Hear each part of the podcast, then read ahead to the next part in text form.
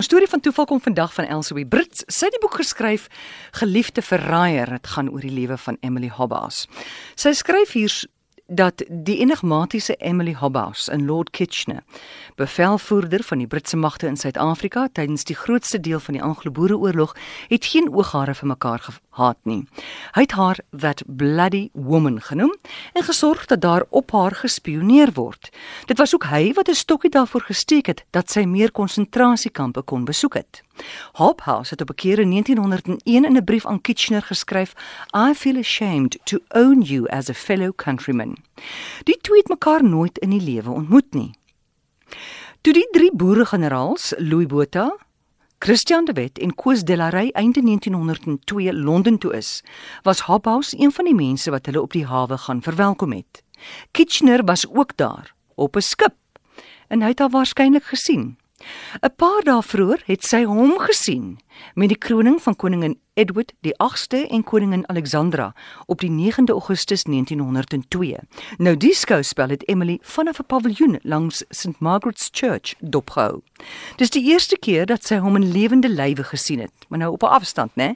Hy was deel van die indrukwekkende prosessie, maar Emily was nie beïndruk nie. Sy het gesê he seemed quite unable to manage his horse.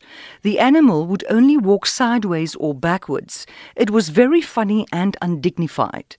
Nou in die dood het hulle toevallig ontmoet.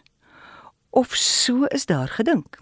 Kitchener was weer 'n oorlogsheld tydens die Eerste Wêreldoorlog as minister van oorlog was hy onderweg na Rusland toe die skip die Hampshire met 662 mense aan boord onder die golwe verdwyn. Net 14 manne die kus gehaal van wie twee toe omgekom het.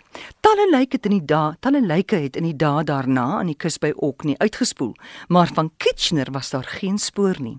Dit was voor, vermoedelik 'n Duitse duikboot wat die skip laat sink het. En toe in 1926 word daar aangekondig Kitchener se liggaam is gevind en dit is op pad per skip. Nou kom die storie. 3 dae na haar dood op 8 Junie 1926 is 'n diens vir Emily in die St Mary's Abbots Kerk in Kensington, Londen gehou.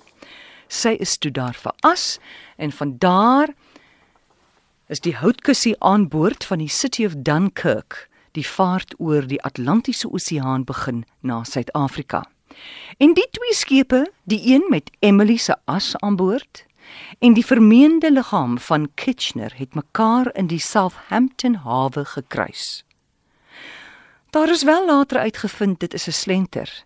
Dit was nie die liggaam van Kitchener nie, maar tog dat selfs 'n slenter die twee vyandige of liewer vyande toevallig weer byna swaarde laat kruis het.